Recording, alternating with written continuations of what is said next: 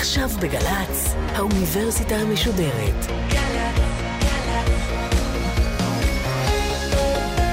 שקורה עכשיו.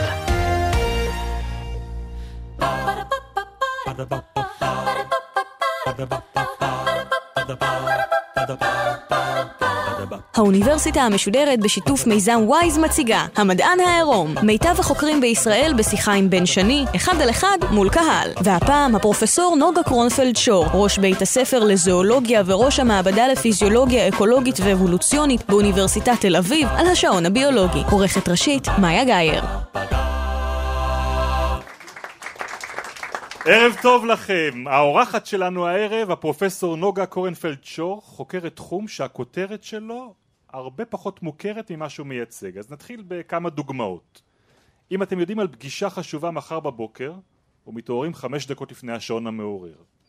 אם אתם יודעים על עצמכם שאתם טיפוס של בוקר או של ערב אם מצב הרוח שלכם משתנה ביום שבו מתקצרים הימים והלילות מתארכים התופעות האלה ורבות אחרות תלויות במנגנון שנקרא שעון ביולוגי. הפרופסור נוגה קורנפלד שור היא ראש המחלקה לזואולוגיה באוניברסיטת תל אביב וזה אומר שאת המחקרים שלה על התופעות הכל כך אנושיות האלה היא מבצעת דווקא על בעלי חיים וכשאני אומר בעלי חיים הכוונה לתצפיות בטבע ולאו דווקא לחיות מעבדה השיחה שלנו הערב תגלוש אל שנת החורף של סנאים ארקטיים להרגלים המיניים של ציפורי שיר ולאופן שההתחממות הגלובלית משפיעה על החיים שלהם כמו שמשפיעים הפלורסנטים שתלויים מעלינו במשרד. אנחנו במדען העירום של האוניברסיטה המשודרת בגלי צה"ל זו סדרת הרצאות שאנחנו מקליטים עם חוקרים מובילים בישראל בברים ברחבי הארץ והערב אנחנו בתל אביב במקום שנקרא דיזי פרישדון תודה רבה למארחים שלנו כאן גם הבר וגם עמותת וויז השותפה שלנו במדען העירום אז בואי בוא נדבר על, על, על המושג הבסיסי ביותר. המושג הבסיסי ש, שאנחנו צריכים לדבר עליו בעניין של שעון ביולוגי הוא יממה. נכון. מה זה איך את מגדירה יממה? יממה היא uh, משך הזמן שעובר uh, בזמן סיבוב uh, כדור הארץ סביב צירו מזריחה ועד זריחה 24 שעות. זה תמיד יהיה 24 שעות? תמיד. מאז שאנחנו uh, מכירים את ההיסטוריה של כדור הארץ, מאז ומעולם המחזור היה 24 שעות בדיוק, uh, חלקו אור וחלקו חושך. אוקיי, אבל מתי נכנס ה... השעון לתמונה, מתי, ממתי אנחנו מתחילים בעצם למדוד uh, זמן? למעשה מאז, שאנחנו, מאז התפתחות החיים על פני כדור הארץ, עד כמה שאנחנו יודעים, uh, שעונים קיימים uh, בכל אורגניזם חי על פני כדור הארץ, החל מחד תאים, דרך צמחים, פטריות, אצות, בעלי חיים ועד לאדם. כשאת אומרת שעונים, למה את מתכוונת? זה אומר שיש לנו אה, יכולת אה, למדוד את הזמן בצורה פיזיולוגית. אנחנו יודעים מה השעה, אנחנו לא מגיבים לסביבה שלנו, אלא אנחנו בכל שעה במהלך היממה, הגוף שלנו יודע מה השעה ומה הולך לקרות בעוד שעה, מתי מגיעה השקיעה, מתי מגיעה הזריחה ומה נכון לעשות עכשיו. וזה משחר הדורות תמיד מתייחס ליממה, נכון? זה המחזור. זה מתייחס ליממה, אבל יש לנו גם ריתמוסים עונתיים או ריתמוסים שנתיים שנובעים מסיבוב אה, כדור הארץ סביב השמש וגם שם יש לנו שינויים עונתיים באורך היום שמשפיעים בעצם על כל תנאי הסביבה. זאת אומרת זה תמיד שינוי סביבתי שקובע עבורנו את המושג הזה. אה, הוא בעצם גורם לזה שיש יתרון בשעון ביולוגי פנימי שמאפשר לנו לחזות את השינויים האלה ולא רק להגיב אליהם. אבל יש איזושהי משמעות גם למקצבים היותר קצרים מאשר יממה, לשעה, לדקה? אה, לא משמעות ביולוגית, יש מחזורים של אה, שלוש שעות בחלק ממיני בעלי החיים, יש מחזורים אה, של 12 שעות, אבל באופן כללי כשאנחנו מדברים על השעון הביולוגי אנחנו מתייחסים בעיקר לריתמוס של 24 שעות, כי זה הריתמוס של אור וחושך והוא המשמעותי ביותר. בכל צורות החיים שאנחנו מכירים בטבע זה המחזור שאליו מתייחסים? יממה שלמה? הוא בדרך כלל המחזור העיקרי, כן. מה אם, אני יודע מה, יש זבובים שחיים רק כמה שעות, או חיות שחיות פחות זמן, מה קורה אצלם? כמה שעות לא, יש, יש אה, כמה ימים, וגם אצלם המחזור היממתי הוא משנה. אה, מעניין למשל בעלי חיים שחיים באזורים שהם לא נחשפים לשינויים של 24 שעות אור חושך. כמו למשל חולדים שחיים אה, במחילות תת-קרקעיות, או אה, בעלי חיים, דגים למשל שחיים בתוך מערות. או מינים שחיים בכתבים שנחשפים לתקופות ארוכות של חושך מוחלט ואור מוחלט. אז מה, אצלהם אין מחזור כזה של יממה? אז מסתבר שגם אצלהם יש מחזור של יממה שהוא פחות מתייחס ישירות לאור וחושך אלא להשלכות יותר רחבות של אור וחושך למשל בתוך מערות זה יכול להשפיע על נוטריאנטים שנכנסים במחזור של 24 שעות או טורפים שמגיעים במחזור של 24 שעות אז בסופו של דבר עוד לא נמצא מין שלא מראה מחזור של 24 שעות אבל איך את מבינה שהחיה הזאת חיה לפי מחזוריות של 24 שעות? יש כמה דרכים. קודם כל, אפשר לחלק את השאלה הזאת לשתי שאלות. אחת זה קודם כל אם הם מראים ריתמיות של 24 שעות, והשאלה השנייה היא אם הריתמיות של 24 שעות נובעת משעון פנימי. שזה שתי שאלות שונות, כי ברגע שאנחנו נחשפים לאור וחושך אנחנו יכולים להיות פעילים פשוט כי אור וברגע שיכבו לנו את האור אנחנו נפסיק להיות פעילים. כדי לוודא שמדובר בשעון פנימי אנחנו צריכים להיות בתנאים קבועים שאין שום אינפורמציה לגבי זמן למשל באור קבוע עם זמינות מזון קבועה, טמפרטורה קבועה, כל הסביבה היא קבועה. ואם המחזור הוא פנימי אז אנחנו בעצם נצפה להמשיך ולראות מחזוריות של 24 שעות או קרוב ל-24 שעות למרות שהסביבה לא משתנה. ומה קובע המחזוריות? שהם הלכו לישון פעם אחת בזמן הזה? לא, מה שקובע את המחזוריות היא בדרך כלל חשיפה לאור. דגים למשל, שאם אנחנו מגדלים אותם במעבדה בחושך, הם בוקעים מהביצה, מתחילים את החיים שלהם, הם לא יהיו ריתמיים עד שניתן להם פולס אחד של אור, ואז השעון מתחיל לתקתק. ובעצם אז הוא מתחיל לתקתק בריתמיות של 24 שעות. מה זאת אומרת לא יהיו ריתמיים? מה זה ריתמים? מה הכוונה בריתמים? ריתמים זה למשל, אפשר למדוד את הריתמוס של uh, רמת הפעילות, באיזה שעות הם פעילים ובאיזה שעות הם לא פעילים, אבל למעשה כמעט כל דבר מר... בגוף שלנו מראה ריתמיות של 24 שעות. החל מ-15% מהגנים שלנו משועתקים בצורה מחזורית, יש מחזוריות ברמות הורמונים, בקצב נשימה, בטמפרטורת גוף, בקצב לב, גם ביכולות קוגניטיביות, למשל אם כל אחד מכם ייקח סטופר וינסה להפעיל ולכבות אותו הכי מהר שהוא יכול, יש לנו בעצם שינוי מאוד גדול שיכול להיות בסדרי גודל במהלך היממה. שינוי במה? ביכולת שהיא ב... לתפקד במהירות ועל במהירות סטופר? התגובה, כן, פשוט במהירות התגובה, שהיא פשוט קשורה לשעון הפנימי, יכולת בזיכרון, יכולת בלמידה, כמעט כל דבר שאנחנו מודדים אנחנו מוצאים רמות חרדה, אנחנו מוצאים ריתמוס. מה זאת אומרת ריתמוס ברמות חרדה? איזה שעות נחשבות בעינינו מסוכנות יותר, גם בעלי חיים מראים ריתמוסים יממתיים ברבות החרדה וזה בעצם למשל אנחנו הראינו שבמכרסמים זה משפיע על הנטייה שלהם לצאת ולחפש מזון זאת אומרת שברמות החרדה שלהם במכרסמים ליליים רמות החרדה ביום הן יותר גבוהות וזה בעצם מונע מהם לצאת ולהיחשף לתנאים שהם לא מותאמים אליהם. אם אני מבין נכון זה בטח תהליך אבולוציוני נכון? נכון שמה מה למעשה גרם לו, אם אנחנו מדברים הרי על חיות, אז תמיד הדברים, שני הדברים שחוזרים זה הישרדות ו- נכון. ורבייה, נכון? נכון. אז שני הדברים הם מאוד קשורים לשעון הביולוגי. אם נסתכל למשל על הישרדות, אז בעל חיים אה, שפעיל לילה ומותאם לפעילות לילה, למשל מבחינת חוש, חוש הראייה שלו, ברגע שעולה היום הוא לא מותאם לתנאים והוא חשוף לסיכון טריפה. עכשיו אם הוא יצא לחפש מזון והוא מסתובב רחוק מהמחילה שלו הוא צריך להתחיל לחזור למחילה עוד לפני שחושך ולא כשחושך כי אז הוא חשוף לסיכון טריפה וזה יתרון אבולוציוני הישרדותי למשל מאוד פשוט. הדבר השני דיברת על רבייה אז רבייה בעצם תקופת הרבייה או תקופת ההיריון צריכה להסתיים בזמן שבו השרידות של הצאצא תהיה הכי גבוהה. זאת אומרת לא להיכנס להיריון בתקופה שיש זמינות מזון גבוהה למשל, אלא להיכנס להיריון בזמן שכשהצאצא ייוולד אז התנאים יהיו הכי מתאימים והכי נוחים להישרדות. וכשחיה נכנסת למה שאנחנו קוראים תרדמת חורף, mm-hmm. מה היא מפסיקה את הריתמוס הזה שלה?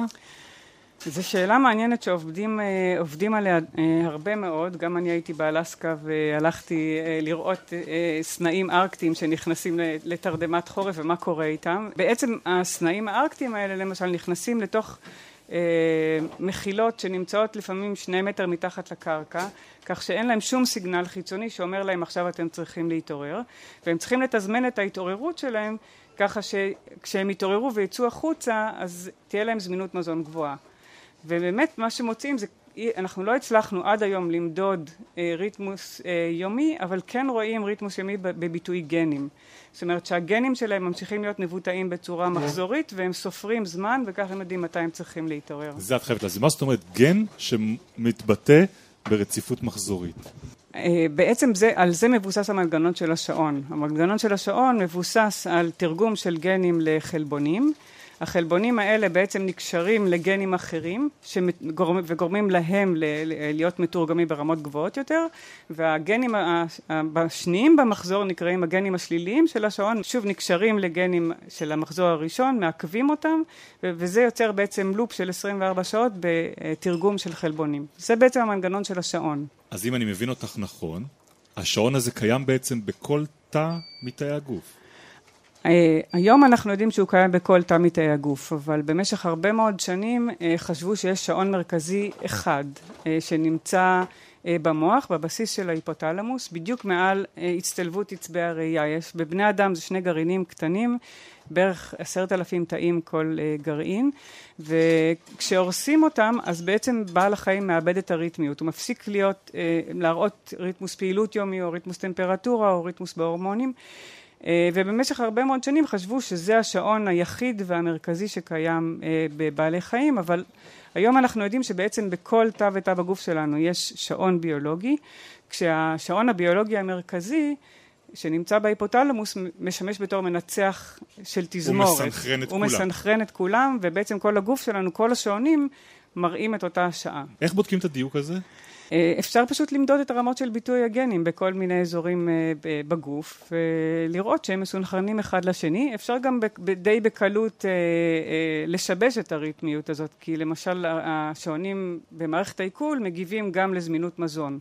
ואם אנחנו אוכלים לא בשעות שבהם אנחנו אמורים לאכול, לא בשעות שבהם השעון המרכזי אומר לנו עכשיו אתם צריכים לאכול, אנחנו יכולים לגרום לשיבוש בסינכרון בין מערכת העיכול לבין השעון המרכזי, ואז ממש רואים את התזוזה הזאת בביטוי הגנים. אבל אמרת שבעבר החוקרים ייחסו את, את המרכז לנקודה מסוימת במוח, נכון. שעדיין יש לה תפקיד. זאת אומרת, היא מנצחת למעשה נכון. על, ה, על כל המערכת הזאת. נכון.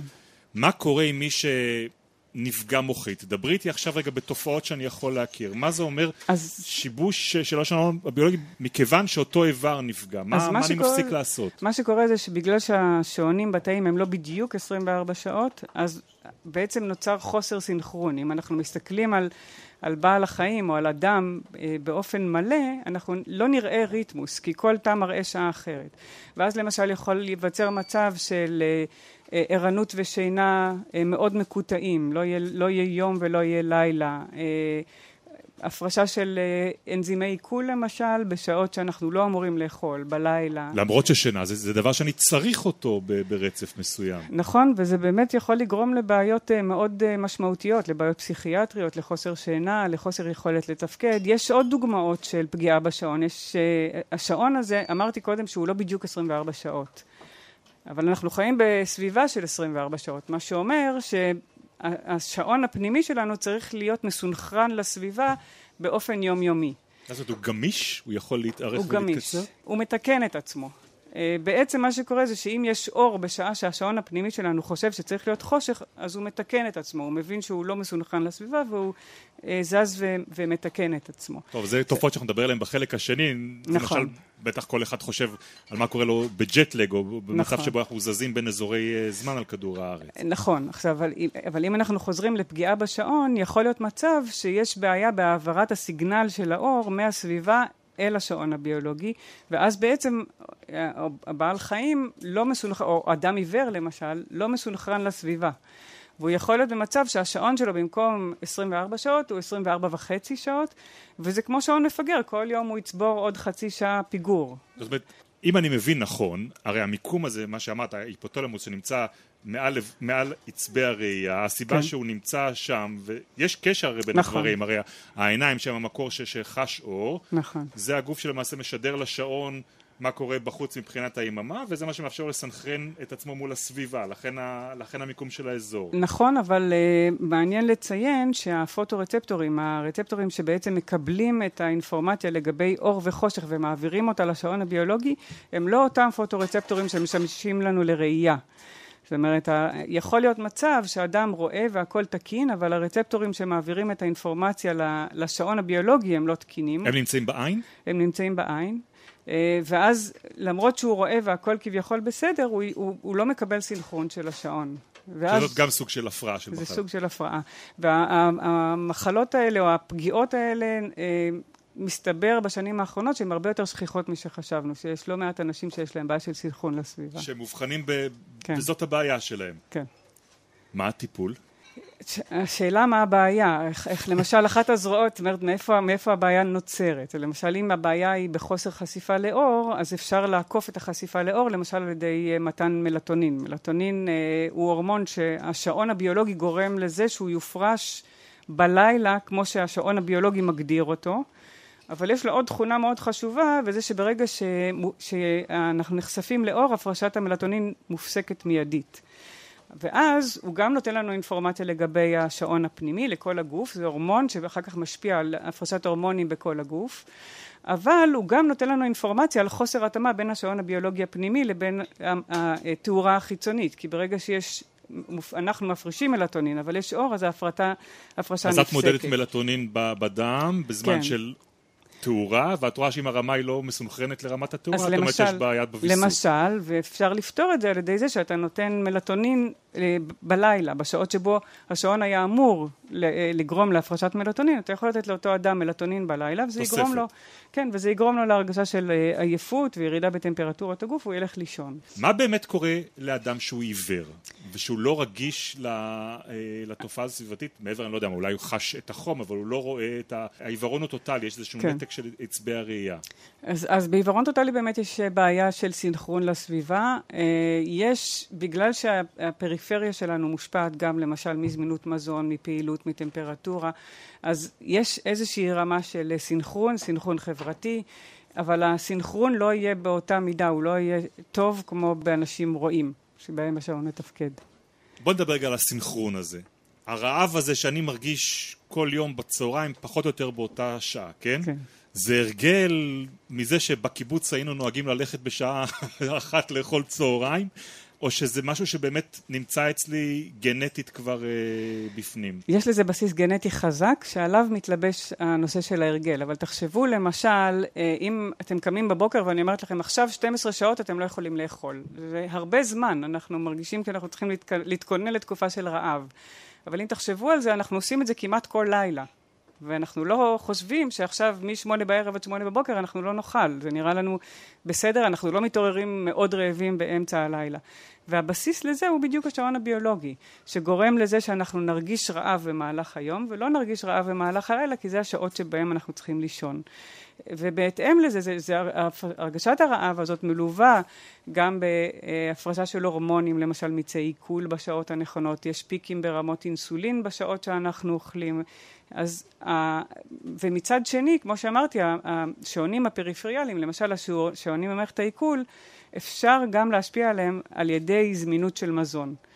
בדרך כלל ההשפעה של השעון הפנימי היא בעצם גורמת לנו להרגשת רעב, אנחנו אוכלים בשעות הנכונות וזה רק מחזק את הריתמוס כי יש התאמה יותר חזקה. אבל אם אנחנו לא מצייתים אז מתחילה להיווצר חוסר התאמה. יש עכשיו מחקרים למשל שמראים שאכילה אחרי שמונה בערב גם אם אוכלים את אותה כמות קלוריות במהלך כל היום, אכילה אחרי שמונה בערב בגלל שהגוף שלנו לא, לא בנוי להתמודד עם האכילה בשעות האלה תגרום לעלייה במשקל באותה צריכה קלורית. אבל עייפות, כן? אני מרגיש אותה לא רק בערב. נכון. כי עייפות, אה, בעצם יש לנו פה שני מנגנונים ששולטים בעייפות. יש הצטברות של העייפות, ובעצם מצב שברגע שאנחנו לא עייפים, אנחנו מתחילים לצבור חוסר שינה, והשעון הביולוגי. אה, ואם יש לך את אותו מחסור בשינה, אותו מחסור בשעות שינה, יהיה לך הרבה יותר קל להירדם בלילה מאשר להירדם ביום. זאת אומרת, אבל הרבה פעמים אה, אנשים שרגילים לקום מוקדם בבוקר, גם אם הם לא ישנו כל הלילה והגיע הבוקר, עשר בבוקר, הם כבר לא יכולים ללכת לישון, הם ילכו לישון בלילה שאחרי. אה, אז, אז בעצם זה שילוב של שני הדברים, למרות שהם מאוד עייפים, הם לא ילכו לישון כי זה השעות שבהם הגוף שלהם מתעורר, יש הפרשה של קורטיזול, הורמון שגורם לנו להתעוררות, אה, מתחילה הרגשת רעב, כל מיני דברים שמונעים מאיתנו שינה טובה. תראי כמה מהר התחלנו לדבר על בני אדם, נכון? נכון. ואת בכלל חוקרת חיות. לא חוקרת חיות, נכון? נכון. בשביל מה את חוקרת חיות? א', זה מעניין אותי. אה, התופעות האלה הן אה, מרתקות בעיניי, ואני חושבת אם אנחנו מסתכלים, כמו שאנחנו מסתכלים על הגוף שלנו בתור יחידה הרמונית, אני מסתכלת גם עלינו ועל הסביבה בתור יחידה הרמונית שצריכה לתפקד אה, בצורה מתואמת ו... יעילה, כך שאנחנו לא פוגעים גם בסביבה שלנו. זאת אומרת, השיבוש הוא לא רק שיבוש פנימי, הוא יכול להיות גם שיבוש חיצוני. זה, זה התחיל מתוך עניין מדע טהור לחלוטין, זאת אומרת בכלל לא חיפשתי איזשהו יישום או קשר או שמירת טבע. להבין איך זה פועל מסביבי. להבין איך הדברים עובדים. ומתוך העבודה הזו של להבין אה, איך מכרסמים אה, מדבריים פעילים בשעות שונות, אני, אני בעצם הגעתי לדברים ש... אה, לא חשבתי עליהם מראש. אבל בעצם כשאת מדברת על בעלי החיים את מאפיינת את הזנים, את אומרת אלה פעילים ביום, אלה פעילים בלילה. נכון. וכשאנחנו מסתכלים על הזן הזה ש... שאת ואני משתייכים אליו, אנחנו יודעים שזה הרבה פחות אה, קבוע, נכון? יש בתוכנו אנשים שהם יותר פעילים ביום ואנשים שיותר פעילים בלילה. באופן כללי אנחנו פעילי יום. אה, אנחנו מותאמים לראייה ביום, אנחנו רואים צבעים, אנחנו, התקשורת שלנו היא באמצעות ראייה.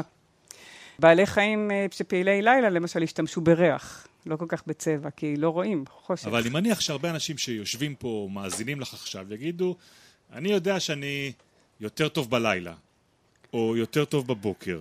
נכון, אז זה, זה, זה לא בדיוק לילה, זה בוקר או ערב, וזה יכול, זה יכול להיות אה, מאוד קיצוני לבוקר וערב. זאת אומרת, יש אנשים שאנחנו אה, מגדירים אותם טיפוסי בוקר, ויש אנשים שאנחנו מגדירים אותם טיפוסי ערב. רוב האנשים אה, יהיו פעילים באמצע היום, אבל יש לפעמים אה, אה, מצבים מאוד מאוד קיצוניים שאפילו מגיעים לסינדרום, למה שצריך לטפל בו, של טיפוסי בוקר קיצוניים וטיפוסי ערב קיצוניים. ויש על זה סיפורים נורא נחמדים, למשל טיפוסי בוקר תמיד נחשבים מאוד חרוצים. הם קמים מוקדם בבוקר, הם מגיעים לעבודה, הם מלאי מרץ, אבל בתשע בערב הם הולכים לישון. אז מתי הם מגיעים לטיפול? הם מגיעים לטיפול כשהם מתחתנים ואז הבני זוג מתלוננים על זה שהם הולכים לישון בשמונה בערב ואין מי, עם מי לדבר והם לא מסוגלים להישאר ערים. לעומת זאת טיפוסי ערב קשה להם נורא לקום בבוקר גם, גם, גם בתור ילדים, זה, זה מתחיל מגיל צעיר, זה דבר שנקבע גנטית, קשה להם לקום בבוקר. רגע, רגע, ו... מה, אמרת פה זה נקבע גנטית? כן. בעצם הבסיס לטיפוסי בוקר וטיפוסי ערב הוא, אה, אה, הוא בעצם נקבע גנטית כי המנגנון של השעון הוא גנטי. זאת אומרת שהפעילות של השעון היא, היא תכונה מורשת, אנחנו מקבלים את זה מההורים שלנו. אה, ואז למשל יש ילדה אחת שהיא טיפוס ערב מאוד מאוד מובהק וילד שהוא טיפוס בוקר מאוד מאוד מובהק ואני אומרת לילדה בערב, תלכי לישון יותר מוקדם, אז מחר יהיה לך יותר קל אה, לקום. אבל זה לא נכון, זה לא באמת ככה. זה לא טיפוס, ככה? לא ככה. היא טיפוס ערב. והשעון שלה הוא כזה, ויש מדינות שכבר התחילו להכיר בזה, למשל בהולנד, אה, אחרי שהתפרסמו אה, הרבה מאמרים על זה שהילדים האלה, שאנחנו מכריחים אותם לקום בשבע בבוקר ובשמונה בבוקר כבר להיות בבית ספר, הם למעשה במצב של שינה, לוקח להם דגימת דם, הם עדיין רמות מלטונין גבוהות, קשה להם להתרכז, הזמן תגובה שלהם הוא איטי, ופשוט החליטו להתחיל את אה, בית הספר שעה וחצי מאוחר יותר, כדי לכלול חלק מהילדים שקשה להם לקום בבוקר. מאוד הולנדי זה נשמע. כן, כן. נראה לי. אני, מאמצים את זה בקלות. כן, אני מכיר כמה ילדים שיאמצו את זה.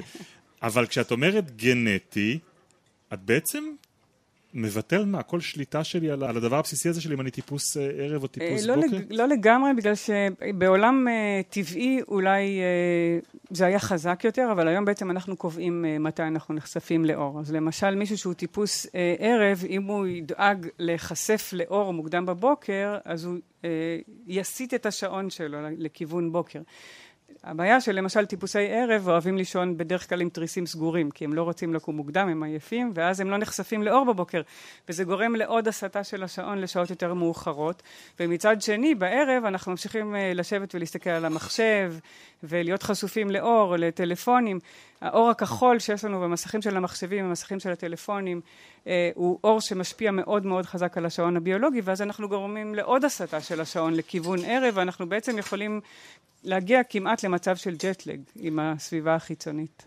אבל אין שום השפעה סביבתית, זאת אומרת, אם אני נולדתי במושב, ולפני בית הספר היינו קמים בחמש בבוקר לאסוף ביצים כל בוקר, זה לא משהו ש... שיהפוך להיות הרגל שלי? זה קשה לשנות את הדפוסים, ויש אפילו מחקרים שאומרים שאנשים בוחרים את המקצוע שלהם לפי הטיפוסיות הצירקדית. שיש אה, אנשים שקשה להם למשל לעבוד במשמרות אה, לילה בגלל השעון הביולוגי, וזה לא יעזור כלום, הם בלילה יהיו מאוד מאוד עייפים ולא יוכלו לתפקד. ואז אפילו אם הלכת ללמוד רפואה ולא חשבת על זה, בתוך רפואה אתה תבחר את, את התחום שבו אתה מרגיש שאתה יכול לתפקד אפילו בצורה לא מודעת. מקובל לחשוב שהדבר הזה גם משתנה עם הגיל. נכון. שאנשים מבוגרים נהיים פתאום ערניים יותר בשעות יותר מוקדמות של, של היממה. זה נכון, זה מתחיל בעצם, ב, אנחנו מתחילים את החיים בשעון קצר יחסית למה ש, למהלך החיים. השעון הולך ומתארך אה, בגיל ההתבגרות, בגיל ההתבגרות הוא מגיע, הוא, הוא ארוך מאוד, ואחר כך מגיל 22-3 הוא מתחיל להתקצר עוד פעם, וההתקצרות הזאת של השעון גורמת לזה שאנשים מבוגרים יקומו מוקדם בבוקר, ומצד שני בבני נוער השעון שלהם ארוך מאוד, ואז יש את ההסתה לכיוון הלילה. פרופסור אה, נוגה כהנפלד שור, אני רוצה שבשלב הזה גם אה, נפנה לקהל שלנו שנמצא כאן בבר שנקרא דיזי פרישדון בתל אביב ונשמע אם יש שאלות שרוצים אנשים להפנות אלייך מכאן. היי, אני דור, סטודנט למדעי המחשב. אם אני בודק, אה, לא יודע, עכברים או, או ארנבים בתנאים שהם כל הזמן אור, טמפרטורה גבוהה, אוכל קבוע, האם יש איזושהי סטייה? כאילו, יצא לכם לבדוק דברים כאלה ו... ויש סטייה ברמות הפולסים, בשעון הביולוגי? מה שקורה זה שהשעון הביולוגי הפנימי בא לידי ביטוי והמשך שלו הוא לא בדיוק 24 שעות. אה, הוא משתנה בין אנשים, הוא משתנה בין פרטים, הוא משתנה בין מינים. ואז מה שאתה מקבל, אנחנו קוראים לזה ריצה חופשית של השעון. שהיא לא בדיוק 24 שעות. זאת אומרת שאם אתה שם uh, את הריתמוס הפעילות של אותו אדם, והמחקרים הראשונים שעשו את זה לקחו אה, סטודנטים מתנדבים והכניסו אותם למערות כדי לבודד אותם אה, מהסביבה והם בעצם תיעדו את הפעילות שלהם. מה שאנחנו רואים זה שהם מאבדים את הקשר לאט לאט בין, אה, בין הסביבה החיצונית לבין הסביבה הפנימית שלהם. הם ממשיכים להיות ריתמים, אבל יש סטייה, זה לא בדיוק 24 שעות. בטיפוסי בוקר זה בדרך כלל קצר מ-24 שעות, ובטיפוסי ערב זה ארוך מ-24 שעות. עוד שאלות בשלב הזה? סיוון? Uh, רציתי לשאול בהקשר של תינוקות ופעוטות, אני יודעת שלפעמים מנסים לחנך אותם או להרגיל אותם למעגלים מסוימים, לסדר יום מסוים, מחזוריות מסוימת, יש לזה ערך? תינוקות נולדים כשהשעון הביולוגי שלהם עדיין לא מתפקד בריתמוס של 24 שעות. אחד הדברים שמשפיעים על הנטייה שלהם לישון יותר בלילה מאשר ביום זה למשל מלטונין שמופרש בחלב אם. אז uh, תינוקות יונקים אמורים לישון יותר טוב אה, אה, במהלך אה, הלילה כי הם מקבלים מלטונין בחלב. אבל לוקח זמן עד שנכנסים לריתמיות הזאת. אחד הדברים שאנחנו נוהגים לעשות שהוא שלילי זה להשאיר אור בחדר של התינוק, כדי, בעיקר, בעיקר כדי שלנו יהיה יותר קל, כי הוא עוד לא מפחד מהחושך. ואנחנו גם, ובעצם עושים בזה שני דברים, אחד חושפים אותו לאור ומונעים הפרשה של מלטונין, והדבר השני זה שאנחנו אה, בעצם מרגילים אותו לישון באור ולא בחושך, ואז גם בחיים המבוגרים, או הבוגרים יותר, הם רוצים לישון באור. אור בלילה הוא מאוד בעייתי, והוא גורם להפסקה של הפרשת מלטונין ופגיעה בשעון הביולוגי. פרופסור אה, נוגה קונפלד שור, על זה בדיוק אנחנו הולכים לדבר איתך בחלק השני של המפגש. Okay. אוקיי. על כל המקומות שבהם אנחנו משבשים את השעון באמצעים חיצוניים ואחרים. בינתיים, אל תלכי לשום מקום, אנחנו נפרדים עכשיו מהמאזינים שלנו באוניברסיטה המשודרת של גלי צה"ל, אבל נשארים כאן בבר בתל אביב. רק לפני סיום נודה לעורכת הראשית שלנו, למאיה גייר, למפיקות ועורכות התחקיר אביגיל קוש ותום נשר, לטכנאים שלנו הערב, מני ציפל ודניאל שבתאי, תודה גם לעדן ספקטור ומיקה נחטיילר, ולשותפים שלנו מעמותת וויז. עד הפעם הבאה, לילה טוב.